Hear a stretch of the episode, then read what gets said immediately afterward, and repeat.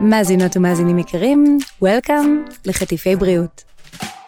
תוכנית שבועית שמטרתה לעורר בכם מחשבה ולפתוח את הראש לגבי הרגלי החיים שלכם. אני קרן האן גיימן, תזונאית, מאמנת כושר והמנחה שלכם. מבית אול אין, הבית של הפודקאסטים. צח, איזה כיף שבאת. כיף להיות פה. מה תגיד שלא כיף תכל'ס. מה אני אגיד? קיבלתי קפה. קיבלת קפה, אבל זה שאתה, זה כל מה שאתה מקבל. בינתיים. בינתיים. אנחנו נפגשנו בתחילת הדרך שלך. וואי, ממש. ראיינתי אותך בבוקר בריאות בתוכנית שהייתה לי בערוץ 13, ומאז כאילו התפוצצת על העולם. מלא דברים קרו, כן. הייתי, דברים. אני חושב שהייתי אז בחופשת לידה עם מאיה לי. עם מאיה לי, נכון. הבת הבכורה שלך. כן. לטובת. כן. או שאני יכול אפילו- לקרב אותו אליי? כן. אני שומע כזה קיטויים של עצמי. כן, גם אני. בסדר ככה? יותר טוב? היית בחופשת לידה עם מאיה לי, בתך הבכורה שהיום בת... בת אה, עוד מעט ארבע. Mm, וואי, ממש עוד חודשיים מבת ארבע. מזל טוב. תקשיבי, הזמן טס. כן, גם יש ים ישמור, קטן. וגם יש ים קטן. שגם הוא כבר והוא גם גדול. עוד מעט בן שלוש. וואו. כן. אז אני- היית, היית בחופשת הלידה שלך. כן הייתי בחופשת הלידה האמת שאני חייב להגיד לך שזה היה הרעיון הכי כאילו הייתי אחרי חופשת לידה מהמם. כתבתי על זה עוד לא היה בלוג עוד לא קראו לזה אמא אני אבא והתחלתי לפרסם ואז הזמינו אותי לכל מיני תוכניות בוקר. כאילו, אני לא בחופשת לידה. אני- אני מאלה שהזמינו אותך לתוכניות לא, בוקר. אבל אצלך זה היה שונה כן? כי בתוכניות בוקר אתה מקבל בערך נגיד 15 שניות לדבר Hmm. ויש עוד איזה עשרה איתך זה כמו תור לקופת חולים כזה אנשים ודווקא אצלך לא זה היה רעיון זה היה איזה 20 ומשהו דקות. שם באמת הצלחתי ככה לדבר לחבר בראש מה מה אני בכלל מה המסר שאני מוציא החוצה וכן עבר מלא מאז אתה ידעת מלכתחילה שאתה תיקח חופשת לידה או שזה משהו שהתהווה בזמן ש... שככה היה ההיריון? אני לא ידעתי שאני אקח חופשת לידה אבל uh, אשתי עצמאית מהמם. ואני הייתי שכיר אז אמרתי מגניב כאילו חופש חשבון הברון. חופשת חופשת לידה והלכתי על זה ואז חטפתי כאפה ואז נחרדת. חטפתי כאפה פעמיים כי כאילו אה, גבר הוא לא מקבל ישר חופשת לידה יש שישה שבועות שזה משכב לידה שזה של האימא ואחר כך רק אתה יכול להצטרף אז חטפתי כאפה כשהילדה הצטרפה לחיים שאתה כאילו יוצא מה- מהבית יולדות עם הסלקל. ואז הדרך דרך של 20 דקות לקחה לנו איזה שעה וחצי.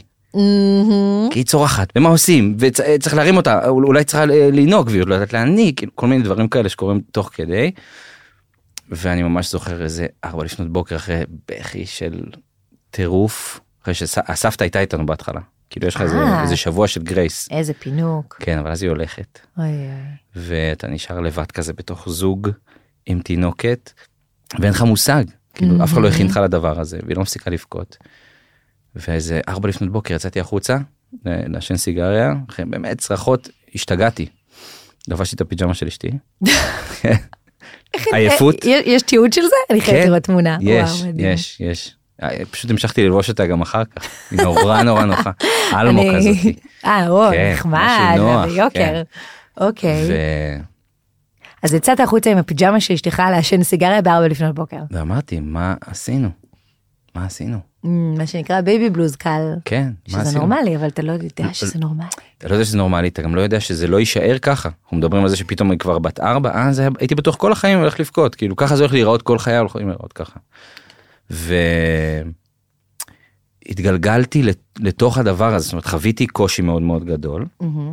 ואז כלפי חוץ אתה משדר, הכל טוב, אמ, בטח. נכון?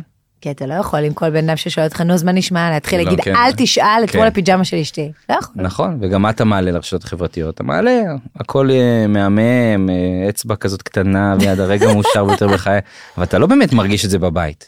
כאילו, יש, יש איזה, אתה נכנס באיזה קיר, בזוגיות, היא משתנה. החיים שלך כבר לא, אין את הספונטניות שלך, דברים משתנים. כן. ואני הרגשתי שכאילו אני מחויב להוציא החוצה, וואי מדהים, מהמם לי, אבל לא הרגשתי את זה. וכתבתי על זה, ואז כאילו זה התפוצץ והזמינו אותי לתוכנית בוקר והיה לי 10 שניות לדבר ואז את הזמנת אותי. או. ופה באמת הרגשתי שיש קצת יותר מקום להוציא את זה אבל לא היה לי מושג שזה יהפוך להיות אימא לאני אבא. לא ידעתי שאני אתעסק כאילו שאני אכנס לתוך התחום הזה לא היה לי שום מושג. זה הגיע בהפתעה אז בעצם הכתיבה שלך הייתה סוג של פריקה כלומר כן. פרקת דרך הכתב נכון. ואז אמרת יאללה אני אעלה את זה כדי שכולם ידעו קבל עם ועדה וואלה לא הכל אה, סוסי כן. פוני וחדי קרן. נכון. וזה באמת גם משהו כל כך תפס כי זה באמת הדיסוננס אתה כן מאושר אתה כן שמח שהבאת חיים לעולם אבל אתה לא מבין למה אושר זה לא כל שנייה כל הזמן. נכון. ואז כשאנשים שואלים אותך מה נשמע אז, אז כאילו לא נעים לך להגיד אל תשאלו מתחרט למה הבאתי ילדה? זה אי אפשר זה לא פופולרי נכון? אז חייבים להחביא. וברגע שמה שנקרא הגיעו אה, מים עד נפש אצלך וכן הוצאת את זה החוצה פתאום גם יש קהלים מסביב שמזדהים איתך ואז זה הופך להיות אה, מעין תנועה אפילו. כן כי פתאום נכון. זה, אני חושב שקרו פה כמה דברים במקביל. גם אה, העניין הזה שאבא מדבר על רגשות או שלא אומר רק אה, "אה, אני מחפש לא להיות עם הילדים אני רוצה אתה פתאום אני לא בא מהמקום הזה.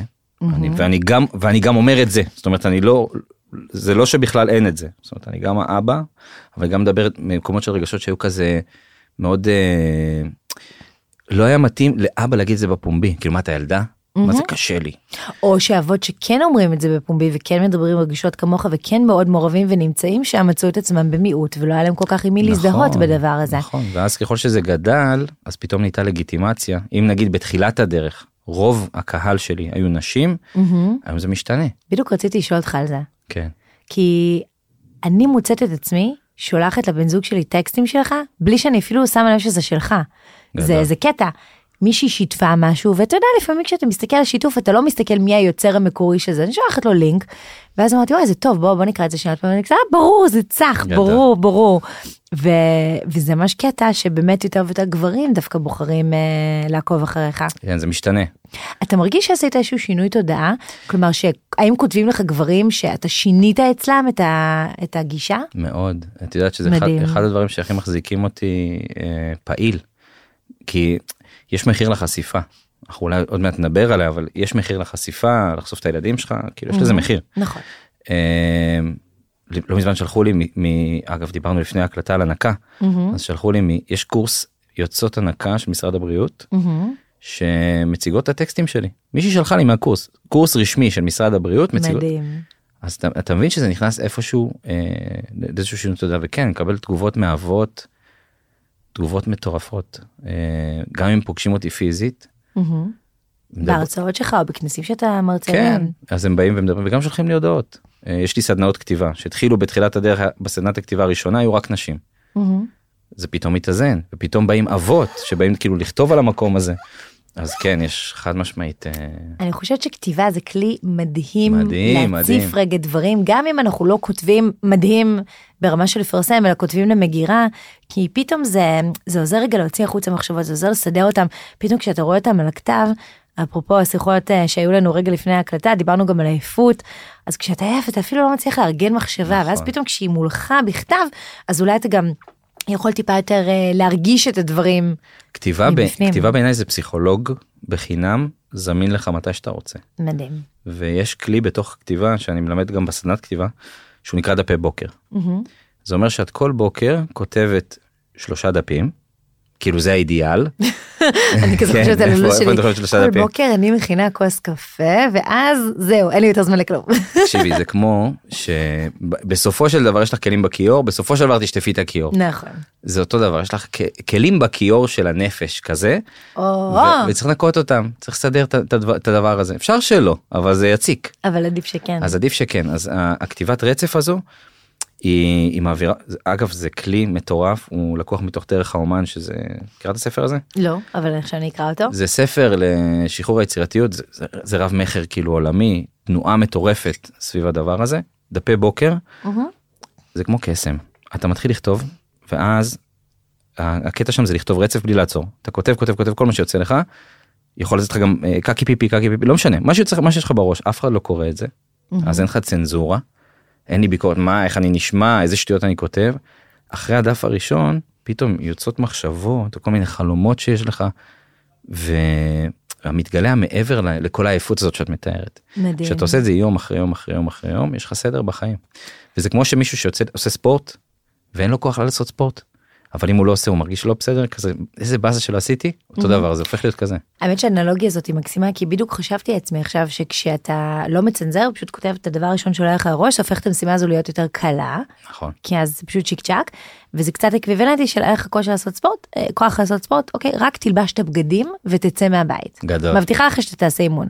כל המטופלים שלי זה מה שאני אומרת להם. גדול. אז אתה אומר רק תתחיל לכתוב לא משנה מה. נכון. ואם כבר אז בדף השלישי אולי כבר תתגבש מחשבה יצירתית או, או מעניינת שתפיקי ממנה הרבה. שזה מקסים בעיניי. אני אנסה את זה עם הספורט.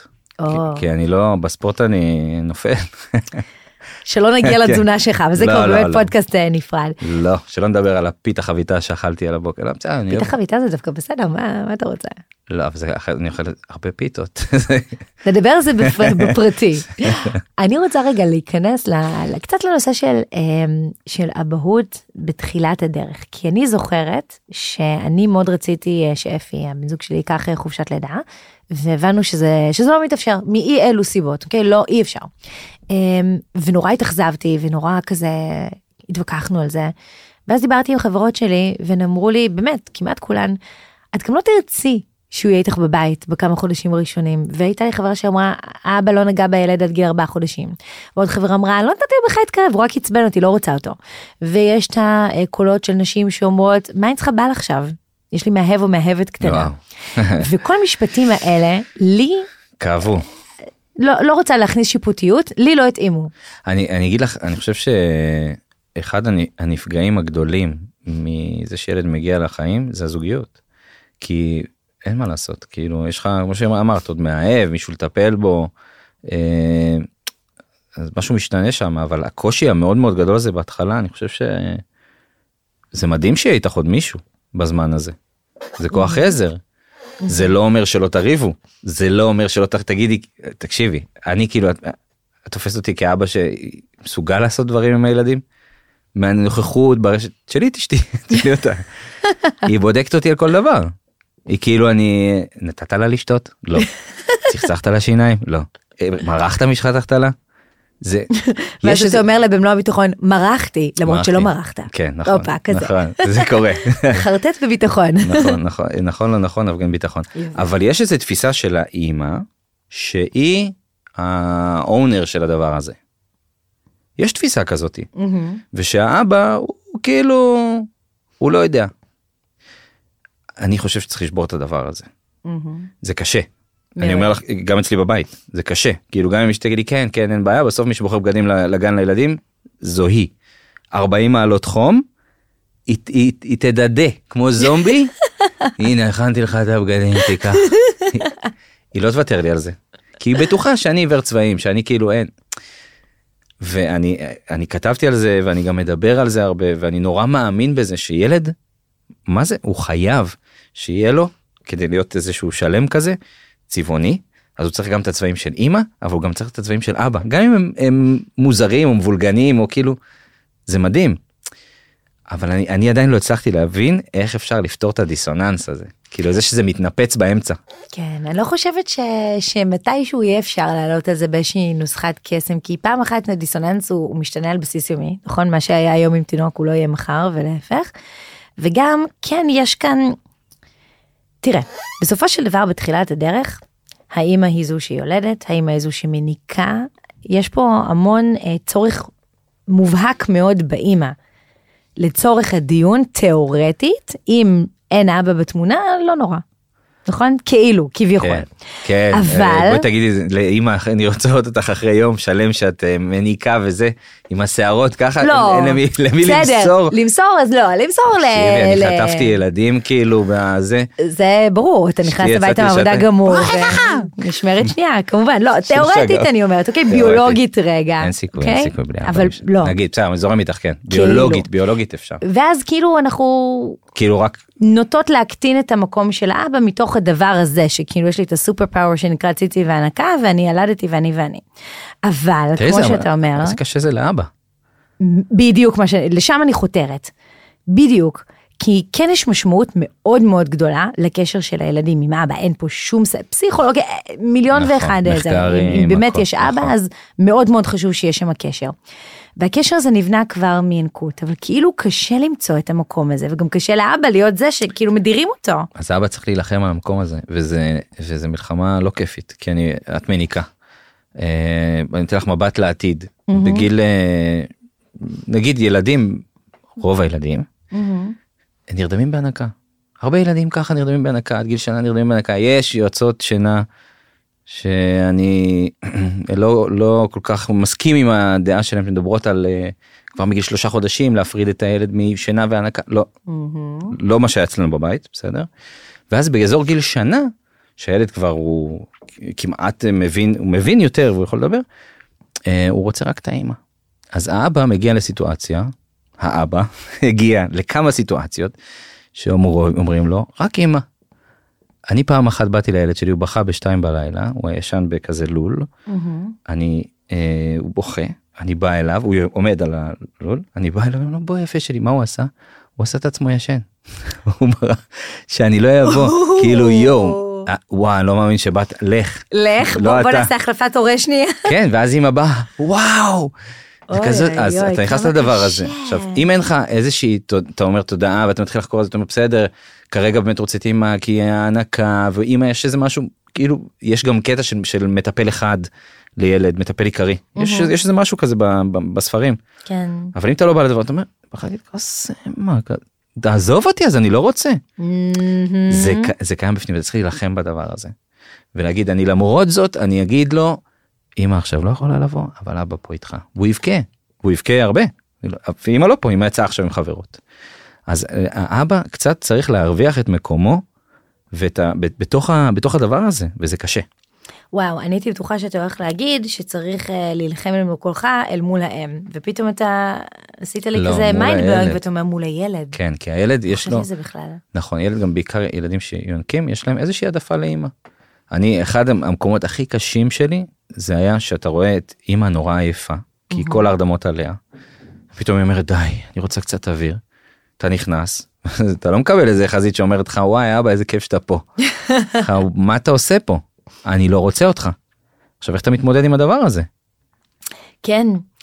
תשמע, זה מאוד קשה. אצלנו אני, אני כן מקפידה כבר מעכשיו לתת לאפי את המקום עם אלה, ולצורך העניין, סיימה לנהוג, שמה אותה במיטה, במידה והיא מתעוררת, נחש מה, אותה. היא מקבלת את אבא פתאום. כן, ולפעמים זה מלווה בבכי. בטח. ואני בחדר השני, הדבר שהכי בא לי לעשות זה להגיד לו, זוז שנייה, ציצי, מעולה. תחזרי לישון. אבל, באמת האזנתי פעם לפודקאסט שאמרו, שאם הילד בוכה כשאבא איתו, ואז האמא מיד אה, באה להציל, אז הילד לומד שבאמת יש לאבא שהיא בעיה, וצריך לצעוק כמה שיותר מהר כדי שהאמא תבוא. אני חושב שזה צודק. אה, הילד נכון. צודק, יש לה איזושהי יכול בעיה. מאוד להיות, אבל הבעיה הזאת שחיה כל החיים ילד זה האבא. כן. ולכן צריך, שוב, לא סבל וזה, אבל כן חשוב לתת לאבא לפתור את זה מול הילד, בהינתן שבאמת הילד לא רעב, או אין שם איזה משהו שבאמת רק האמא יכולה לפתור. ו- וכן, זה מאוד מאוד מאוד קשה לשחרר את המקום הזה. נכון, אני, אני מסכים איתך גם, אני חושב שהקשר אבא ילד נבנה במקומות האלה. כאילו אני במקומות שהייתי נגיד, את יודעת, זה בדרך כלל מגיע לקצה, מהמם. ואז אה, אשתי אומרת, "אה, אני יוצאת, די, כאילו אני לא יכולה. זה- העייפות נהיית קיצונית, והכל נהיה קיצוני, ואז אתה מוצא את עצמך עם ילד שבוכה, אבל אין לך למי למסור אותו.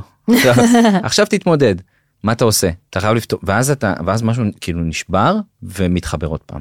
אוי, איזה כאילו אנחנו, מקסים. אנחנו שנינו בקושי מאוד גדול ואז יש איזשהו חיבור הצלחתי להתגבר על זה פתאום אני מצליח להרדים את הילדה שלי היה לי את זה עם היה לי שבעה חודשים ככה לא רוצה אותי. אמרתי את הדבר הזה אני חייב לפתור איתה. ייקח מה שייקח יהיה קצת בכי יהיה קושי אבל אני איתה זה לא שאני משאיר אותה. ונוצר שם איזה חיבור שנים אחר כך היא נרדמת רק איתי זה כאילו מנוול. זה גם מתהפך. ילדה של אבא, זה גם, מת- בטח. זה, זה גם מתהפך באיזשהו שלב זה גם מתהפך אבל צריך הרבה הרבה נשימות כזה להבין ש, שזו דרך. וכשאתה כותב, אתה כותב המון, אבל אני מזהה שלפעמים יש טקסטים שהם יותר מתוך עומק הנשמה מאחרים. בטח. מה הטקסט האחרון הזה שכתבת בזמן האחרון ומאיזה אירוע הוא נבע? אתה יכול להיזכר? וואי אני חושב שהרבה זמן לא כתבתי את יודעת כן נגעת בנקודה רגישה. נגעת בנקודה, לא, במקרה שתדע, לא. תכננתי. אה, הטקסט האחרון, אני לא זוכר מה, אה לא, הטקסט האחרון לדעתי היה סביב גיל שנתיים של ים. וואו. כן. זה גם התמודדות מאוד גדולה, כי גיל שנתיים מביא איתו, כאילו, גיל שנתיים המופלא. הנורא, כן. אז יש שם איזושהי מלחמה מול ילד שפתאום רוצה לבד, אני לבד, אני טה-טה-טה, והכתיבה מאפשרת לי להסתכל על זה שנייה מלמעלה, שזה נורא קשה לעשות כשילד צורח עליך ואתה אומר לו, מה אתה רוצה? דייסה, אתה מביא לו דייסה? לא רוצה דייסה, וזורק אותה. "אה!" זה כאילו, אוקיי, מה אני עושה? אז שיש לי דקה אני כותב ואז אני מבין דברים שקשה לי נורא להבין כשזה כשזה קורה אבל אני הרבה זמן לא כתבתי פעם הייתי כותב הרבה יותר. כי כל העולם הזה של היצירת תוכן קצת הלך לכיוון וידאו. אה, אז הכתיבה שלי נעשית בעיקר בתוך סדנת הכתיבה שלי שרצה שזה כזה שעתיים בשבוע שזה זמן מחוץ לזמן שאני עושה את זה עם עוד אנשים. אבל רוב הזמן יוצר תוכן וידאו. מעניין, אולי גם באיזשהו מקום אתה כבר לא זקוק לכתיבה כמו פעם, כי באמת ים כבר גדול, אתה כבר אב לשניים, כבר הדרמה הגדולה של הדברים, אולי קצת אתה מתמודד איתה אחרת. נכון אבל אה, אני תמיד כותב אני פשוט לא מוציא החוצה כי הכתיבה גם הכתיבה שלי משתנה ואני כותב על דברים שהם יכולים להיות אה, עולמי רחב יותר פתאום ודברים כמו שאתה אומר דברים קורים דברים אחרים אז כן. אז חוץ מכתיבה, איזה עוד כלים או, או איזו גישה אתה יכול להציע לאבות שבאמת מוצאים את עצמם בדיסוננס, שהם רוצים להיות יותר נוכחים אבל מקבלים דחייה? איך לא להישבר ולהגיד טוב יאללה לא משנה אמא בואי ביי. קודם כל לנסות הכת- הכתיבה היא מאפשר לך להסתכל על החיים שלהם ואני חושב שזה מה שהם צריכים לעשות קצת אה, את יודעת להביט הלאה על הנקודת שבר שיש פה כאן ועכשיו. ו, ולנסות ליהנות מה... מלהיות אני נגיד הכי נהנה בתור אני כמו ילד איתם. זה נגיד אחד הדברים שיכולים הכי לשגע את אשתי. כי אם היא משאירה אותנו לבד איזה שעתיים אז היא יודעת שהבית אחר כך נראה כמו תוהו ובוהו. אה, אבל אני נורא נהנה מזה המטבח. המטבח זה כלי מדהים. כי, כי וזה כבר מוביל אותנו לשאלה הבאה שעוד רגע רציתי אה, לשאול אז אם כבר אני אני אקטע זה אני חורקת עם הכיסא. כן, לא, לא, חשבתי יש פה את השאלה. לא, זה- והנה השאלה מאחורינו, ממש כמו איזה. שעשועון. לא, אבל אה, אם כבר נכנסת רגע לנושא של המטבח, אה, אז היום גם הפרסונה האבהית שלך בסושיאל מדיה מאוד מאוד השתנתה לעומת ההתחלה, אם ההתחלה הייתה בלוג וכתיבה והמון נכון. עומק, פתאום היום וידאו, והווידאו באמת במטבח. נכון. למה? כי קודם כל בסגר הראשון שמאלי הייתה בת נראה לי שנה אה, זה הפעם הראשונה ששטפנו כלים ביחד. כי אתה כל הזמן בבית ואז שמתי מצלמה ופרסמתי את זה גם אחר כך. התוצאות של זה אנחנו יודעים זה התפוצץ הגיע נורא נורא רחב אבל מה שאני ראיתי כשהייתה שם במטבח ראיתי איזה ניצוץ בעיניים שלה כאילו היא בפארק מים. ו- וואו. ופתאום התחלתי להסתכל על דבר, את יודעת, נגיד אנחנו עושים אמבטיה, אז האמבטיה שאתה רואה בטיק טוק וכל הדברים האלה לתינוקות, מה, מה שמים בתוך האמבטיה? צעצועים שמסתובבים. ברווזים, זה זה. אנחנו באמבטיה שמים כפות, אה, קערות, אני מביא להם שיבולת שועל אה, כזאת שאפשר לשים, שהיא טובה לאור. אז הם מבשלים איתה כאילו באמבטיה, הם נורא אוהבים את היצירה הזאת. מעניין. כן. וכשאני רואה את הילדים שלי בריכוז מקסימלי, אני מבחינתי בנקודה הכי טובה. זאת אומרת שאני יכול לעשות מה שאני רוצה, כי הם בעולמם והם נורא נהנים. במטבח זה קורה, מדהים. כשהם נוגעים בדברים, וגם הם לומדים מלא דברים, מלא. אנחנו מדברים, תחשבי, ילד, להשאיר אותו בנקודה אחת 45 דקות, זה בלתי אפשרי. בטח. הם all over the place. בטח. ילדים כאילו וואי מה זה אבא מה אין לך שם איפה במטבח הם, הם במגדל למידה זהו הם פה. ואז אני יכול לדבר איתם. אני יכול לספר לי מה היה להם ביום. הם מתעסקים הם חותכים הם, הם נחשפים לעוד מאכלים. וזו בדיוק נקודה גם תזונתית, כי כן. אתה יודע, בסופו של דבר דיאטנית, איך אני לא אכנס רגע בזה, כן, אבל כן, נכון. זה, זה מאוד עוזר, כי באמת אה, מתלכלכים בידיים, ואז מלקקים, ואז פתאום תואמים משהו, ואז זה מוצא חן ביניהם, וכשהם מכינים את האוכל של עצמם, זה מגדיל את הסיכוי שהם ירצו לאכול, כלומר אם תבוא ותגיד, "אה, מה אלי, הכנתי לך אה, ברוקולי, היא עלולה להגיד לך, לא רוצה. נכון היא נכון, תגיד אני לא אוהבת, כן. אפילו שהיא לא טעמה. זה איכסה נכון. זה איכסה. זה איכסה, ואם לא היא רוצה. הכינה, אז אולי היא רוצה לטעום את אה, פרי העשייה, נכון, או אני שהיא טעמה תוך כדי. אני עכשיו נתקל ב... הם הורסים לה את התזונה. בצהרון הם עושים שם פסטה עם קטשופ. Oh my God. אני בא מבית טריפולטאי זה לא עובד ככה. עבדתי שנים. שנים. הרשה לי לנחם אותך, כן, התזונה בגילאים כשכבר נחשפים למסגרות וגם בלי קשר בגלל כל מיני תהליכים פסיכולוגיים. הופכים להיות מתישהו פסטה בלי כלום. אוי ואבוי. אבל כבן אדם בוגר, כשהיא תתבגר טיפה, תחזור. היא תחזור ותישן על הרגלים של אני- הבית. אני עושה תחבולות. אני עושה לה רוטב אה, רוזה ואני אומר לה שזה רוטב ורוד של נסיכות. או, מקסים. ואז היא אוכלת. שזה מהמם, וזה יעבוד עד גבול מסוים נשמה שלי. כן, אבל בסדר. אבל בסדר, לא, אני כבר תתנחם. כבר מתחיל להבין שאני לא אצליח לעבוד עליה כל לא, הזמן. אבל היא תחזור אחרי זה ל- להרגלים של הבית. אז בעצם המטבח, אתה אומר, זה לא שישבת ואמרת, טוב, צריך לייצר תוכן אה, לא. ב reel באינסטגרם, מה הכי מוכר תינוקות במטבח, אוקיי? לא, פשוט זה קרה מהחיים. זה, קודם כל המטבח אצלי מגיל קטן אוכל זה שפה. גדלתי אמרתי לך בית טריפולטאי סבתא שלי כאילו היא הייתה מדברת אלינו עם כפות. הולכת אחרינו עם צלחת קוסקוס וממש כאילו ילד ילד מאכילה. יש לי בן. דוד נשאר אצלה איזה חודש אני- זה סיפור אמיתי אוי, הוא חזר איזה 40 קילו יותר אוי אלוהים, לא, די. כן. 40? 40 וואי וואי. היא מכינה 100 בוריקות ביום. יודעת מה זה בוריקה? ברור שאני יודעת מה זה 100. בוריקה. אוי אוי 100 אוי, ביום. 100 ביום? קערה מה אתה לא כן סבתא, סבתא לא אין צריכות אה, לשוחח. אין, אי אפשר לדבר תעשי סיאנס. כן אוי אוי אוי. בסדר לא הכל טוב. אז אה, אז- המטבח כאילו- אצלך הוא גם ככה מאוד שם. כן זה הלב הלב הוא שם תמיד אני סביב אני תמיד מבשל נורא אוהב את זה זה התרפיה שלי אני עושה את זה בערב. בכיף אני נהנה בקבוק יין מבשל וכשהיינו בתוך הקורונה עשיתי את זה גם במהלך היום. וצירפתי אותם לתוך הדבר הזה. אה, ואז קרה קרו המון קסמים.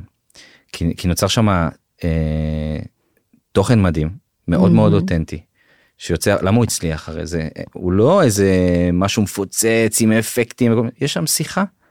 והחמידות שלה ודברים שאת יודעת פעם אחת מה היה לי נגיד הכנו עוגה מהמם. והבאתי כל מיני סוכריות ואמרתי לה מה היה לי אבל אני לא יודע מאיפה היא מביאה את זה הבאתי לה לקשט את העוגה. היא התחילה לאכול אמרתי לה מה היה לי אמרתי לך מקשטים את העוגה היא אומרת לי "אה, אתה רוצה אני מקשטת את הפה. איזה מתוקה. כן היא מביאה דברים אה, יש לה הגיגים, יש ו- לא. ובאמת אם יהיה לנו מספיק סבלנות, גם כמעט לכל הילדים יש את ההגיגים. כל הילדים. כי- כי באמת זה ה...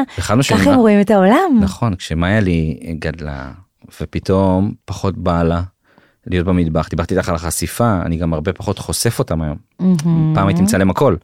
היום רוב התוכן שלי הוא במטבח הם יודעים שפה יש מצלמה אז הם יכולים לבחור.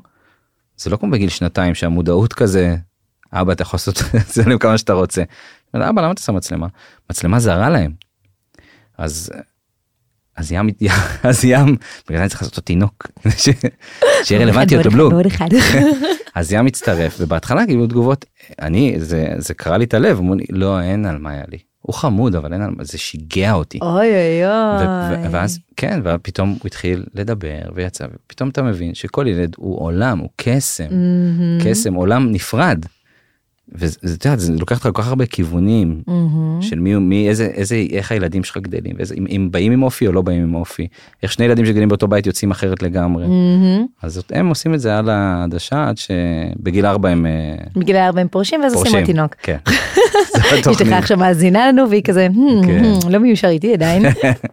אז אם אני רגע לוקחת איזשהו go to למאזינים שלנו, גם למאזינות, אבל היום אנחנו מקדישים, מקדישים קצת יותר למאזינים, אז לעשות דברים שיש לך passion אליהם יחד עם הילדים. ואז זה תמיד יצא טוב, כי אתה תרתום אותם, כי יהיה לך סבלנות, כי שם תהיה האמפתיה שלך, גם כשאין לך כוח עליהם והם צורכים וצועקים, דווקא במקומות שיותר נוח לך, תהיה יותר נינוח איתם. ואולי אם אתם לא נכנסתם מעולם למטבח אפילו, שווה לנסות להיכנס עם ילד, כי אולי זה גם יפתח להורה את הצ'קרה. נכון ובכלל אני חושב כאילו להסתכל להסתכל על זה כמתנה אני גם הבנתי מבינים את זה בהתחלה שבא לך ילד ברוב המקרים קראתי לזה התקף החרדה הכי מאושר בחיים שלי.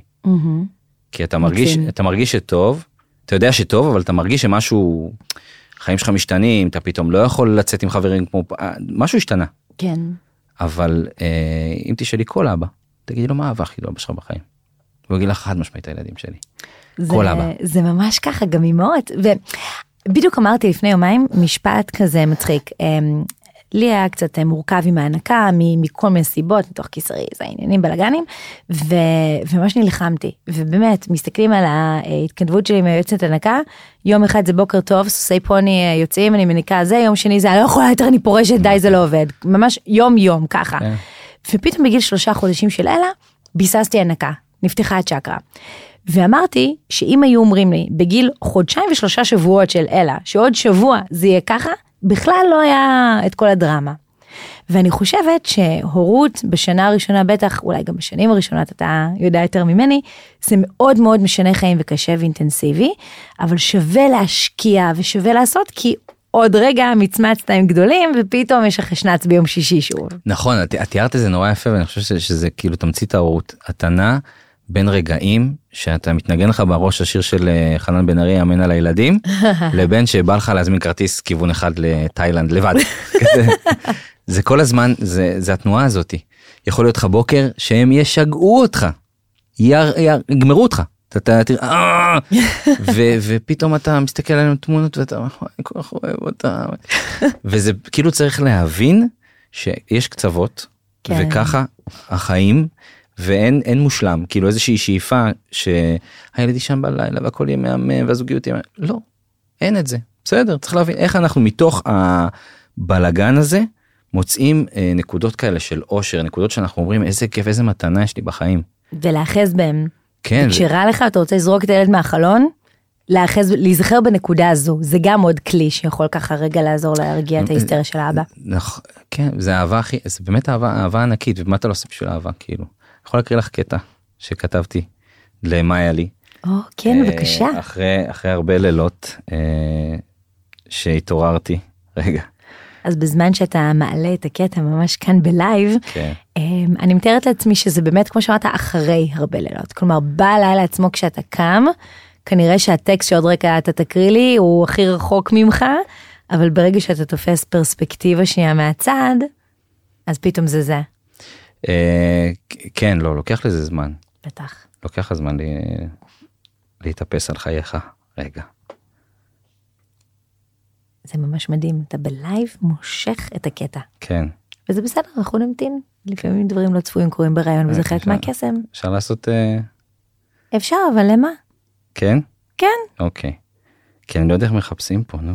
רגע. לאט לאט אני אוהב את ה vibe. תראי גם יש שינה בזמן הזה. טפו חמסה אמרתי, אוקיי. הופה אה, קראתי לזה לילות מוארים. כן לא תזכרי את הלילות, את הרגעים האלה שביקשת שאבוא, את החיבוק. לא תזכרי את המילים, את הידיים המחבקות, המלטפות. לא תזכרי איך רצתי, גם כשקראת לי אלף פעמים. רצתי כמו בפעם הראשונה.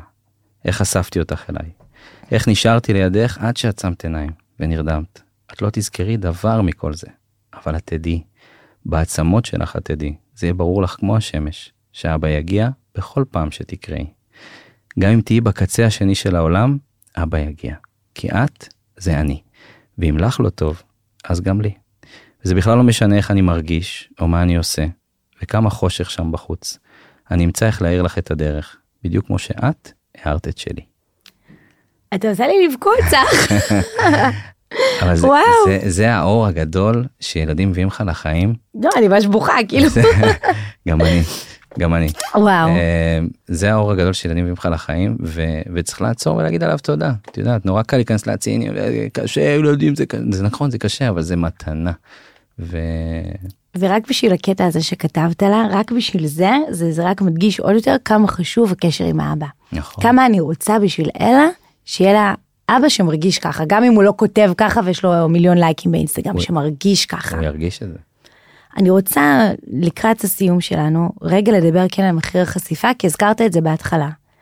מה אתה מרגיש? כי בסופו של דבר גם עשית שיפט קריירה שזה כן. נראה לי היה הדבר הכי מפתיע גם משיחות שעשינו בטלפון אתה ואני שלא דמיינת בתחילת הדרך שהורות תהיה גם הקריירה שלך ויצירת תוכן סביב הורות. נכון. אז מה חוץ מהיתרונות הברורים מה המחיר? המחיר, עוד פעם, את יודעת, זה שבתחילה, עד היום הילדים רואים אותם, אז כאילו קצת לקחתי להם את האנונימיות, שלא שואלים אותם איך קוראים לך. אני מכיר אותך מהסרטונים, היה לנו נגיד אה, את הסרטון הזה של השווארמה, אני זוכרת אותו. ואז פתאום אה, אנשים קראו למאיה לי שוממה. עכשיו כאילו היא כבר לא, לא מבינה היא לא מבינה והיא לא זוכרת בכלל שהיא עשתה את הדבר הזה. ואתה אתה נתקל עם משהו שאתה הוא חריג בחיים שלך לא חווית אותו. פעם אחת הלכנו לחוף הים ואיזה מישהו ראה אותה והיה נראה לו נורא הגיוני להגיד יואו זה ילדה שוממה תביא תביא אותה נראה אותה לאשתי. אחי או. מה קורה כאילו היא ילדה היא זה אבל כאילו לא, כי הילדה היא בעצם סלב. נכון נכון. היא מפורסמת, נכון. והיא רכוש אה, הכלל. בתחושה שלו. ברור, לא כן, כן. חס ושלום. לא, לא, לא, אני- my God. זה ישר מדליק. אני לא. נותנת את ה... אני מבין, כן, ויאמר לזכותה שהיא יודעת, נגיד פעם אחת מישהי אומרת לה, וואי, אני מכירה אותך מהטיק טוק, איך אני... ואז היא מסתכלת עליי, מעלי ואומרת לי, אבא, תאמר לה שאנחנו לא עושים טיק טוק היום. כן. או ש... תאמר לה, כן, איזה גברת. מישהו רוצה איתה סלפי, אז היא אומרת, לא, אני לא עושה סלפי. מישהו ביקש חיבוק, היא אומרת לו, אין לי חיבוק, יש לי רק כיף. היא יודע- היא יודעת להגיד את זה. יואו, כן, היא יוצא ממנה המקומות האלה, אבל... מדהים, אבל לפעמים- כי אבל לפעמים תאר היא, לך. כן, לפעמים היא נבוכה מזה. לפעמים את יודעת, אה, נגיד אה, יש כאלה שהם אומרים לה תביא לי חיבוק ואומרת להם לא, ואז מה, את סנובית? עכשיו, לילדה? כן, בת שנתיים, שלוש, כן, ארבע, אני- וואו. כי אני פוגש, תחשבי שאני אני יכול לפגוש אה, מאות אלפי אנשים שהם בטוחים שהם מכירים אותה, שהיא מכירה Mm. אותם גם. אז אני מתווך לה את זה. ואני מראה לה ואני יודע שאני יודעת שיש סרטונים שבמטבח היא מצולמת לא מזמן צילמנו איזושהי כתבה מסחרית מהמם. והיא יודעת שהיא יורדת מהמטבח אז אין מצלמה. והצלם הלך אחריה. רצתי אליו תפסתי אותו בכתף אמרתי לו אחי אם היא ירדה מה- מהזה אתה לא מצלם אותה היא אמרה לך די. פשוט היא לא ידעה להגיד אל תצלם אותי. כן, אז גם הם בונים את הדרך שלהם וגם אני יודע בוודאות ואני כבר רואה את זה שאני לא לעד אחשוף אותם. זאת אומרת כבר עכשיו מה היה לי. אנשים שואלים אותי מה איתה למה לא רואים אותה למה לא זה. פעם הייתי מצלם תמיד את כל השיחות שלנו וקורים דברים מופלאים כאילו בגיל הזה קורים דברים את יודעת. היא הולכת לגן קשה לה אז עשינו נגיד אה, פלסטר כזה שגם אני וגם היא פלסטר של לול גם אני וגם היא יש לנו על האצבע וזה כאילו הטלפון שאנחנו מדברים דרך זה ואז הפרידה יותר קלה. וצילמתי את זה ולא העליתי את זה כי אמרתי זה שלי ושלה אני לא מעלה את זה. שזה פשוט מופלא בעיניי, כי אתה, זה מה שאני כל כך גם אוהבת בך, צריך שאתה לא יוצר בשביל הפלטפורמה. לא אתה יוצר, ואתה מעלה לפלטפורמה דברים שמתאימים שתעלה. או דברים. שאתה רוצה, או דברים שצריך, לא יודעת. אבל יש המון יצירה שמתרחשת מאחורי הקלעים. הנה, לפני כמה ימים, אפילו אני, פתאום העלית משהו עם מעלה, וכתבתי לך בתגובות, איך היא ככה גדולה? כן כי לא ראית הרבה זמן נכון כי לא ראיתי, כי לא שמת אותה הרבה זמן, נכון, לא ופתאום שמתי היא נהייתה לי. גדולה. נכון וזה קטע. אז עכשיו אתה לומד את הגבולות, אני גם מניחה שכל ההצלחה באמת הגיעה לך בהפתעה, אז לא תכננת מראש נכון. איך תחשוף את הילדים, כי לא בנית על זה, אבל אם בכל זאת אה, לחלץ ממך איזה טיפ אחד או, או גג שניים להורים שמתלבטים מה מידת החשיפה לילד ואיך וכמה, יש כן. עצה? אני רואה אגב אני אני יכול להגיד לך שאני רואה כזה מהצד אני אומר הנה אני אביא להם את המפתחות כאילו קח אחי תראה זה שלך ת- תעשה את מה שאני עשיתי ואני רואה שכאילו ילדים שפורצים וזה מהמם והמתיקות וזה זה, אה, שולח כל כך הרבה אהבה אבל צריך נורא נורא אה, לדעת לייצר מרחב שהוא פרטי ומרחב שהוא יכול אפשר לחשוף. זה תמיד שאלה אין לזה תשובה אין לזה 100% כאילו. בטח. יש כאלה שאומרים אני לא חושף מה פתאום חס וחלילה? אני חשפתי ו... ולפעמים זה קשה. כאילו המחשבה הזאת שכן הם, הם אה, עוד אנשים מכירים אותם ואני יכול להגיד לך שכשמאיה לי רואה את הסרטונים היא, וגם ים הם מאושרים מזה בטוב כי בסוף יצרתי המון המון זיכרונות של הכלל קצת. אבל צריך נורא נורא להיזהר ולייצר אזור שהוא כמו נגיד אצלנו זה המטבח מהמם. יש מקומות אחרים שזה שלהם ולעד יישאר שלהם. יש Mhm. לילדים עולם פרטי קסום מדהים שהוא צריך להישאר עולם פרטי וקסום וזה זה הכלל שאני רץ לפיו ולדעתי גם כדאי כאילו לכל מי שמוציא את הילדים שלו חושף אותם ברשת להשאיר להם המון המון עולם פרטי כזה משלהם. קצת כמו בעולמות התזונה, הכל במידה. כן נכון אז uh, לסיום, אני לא מאמינה שהתכנסנו כבר לסיום, אבל כן זה הגיע. מה, מה הכי חשוב לך שידעו? מה המסר או סיכום או, או משהו כזה אחד שאתה אומר זה חשוב לי עכשיו רגע לסכם איתו. אני חושב שזה המשפט שאני כל הזמן אומר. אני אומר תמיד שאנחנו מיליונרים של הלב אני מדבר על זה על, על, אה, על להודות על היש. יש לי קרוב, Mm. קרוב משפחה אה, שהוא חלה בסרטן. בן אדם שהיה מאוד בריא כל חייו ופתאום אה, התהפכו כאילו התהפך לו החיים ו, ו, ואתה מבין שהדברים הפשוטים פשוטים השגרה המשעממת המעצבנת ההרדמות הכלים הדברים האלה היא מתנה נורא גדולה. כי ברגע שאין לך את זה אז פתאום כל הערימות ציניות שיש לנו ביום יום אתה אומר איך בא לי את הדבר הפשוט הזה שהיה לי לפני? ו, וזה וזה כאילו התמצית של היצירה שלי להודות על מה שיש לנו איך שיש לנו טוב לא טוב ריבים זה מושלם יש זה אומר שיש. גרמת לי לבכות שוב בסיום, תודה רבה לך צח. צחוק בצד זה פשוט מדהים. תודה רבה שהגעת תודה, היום. תודה שהזמנת אותי.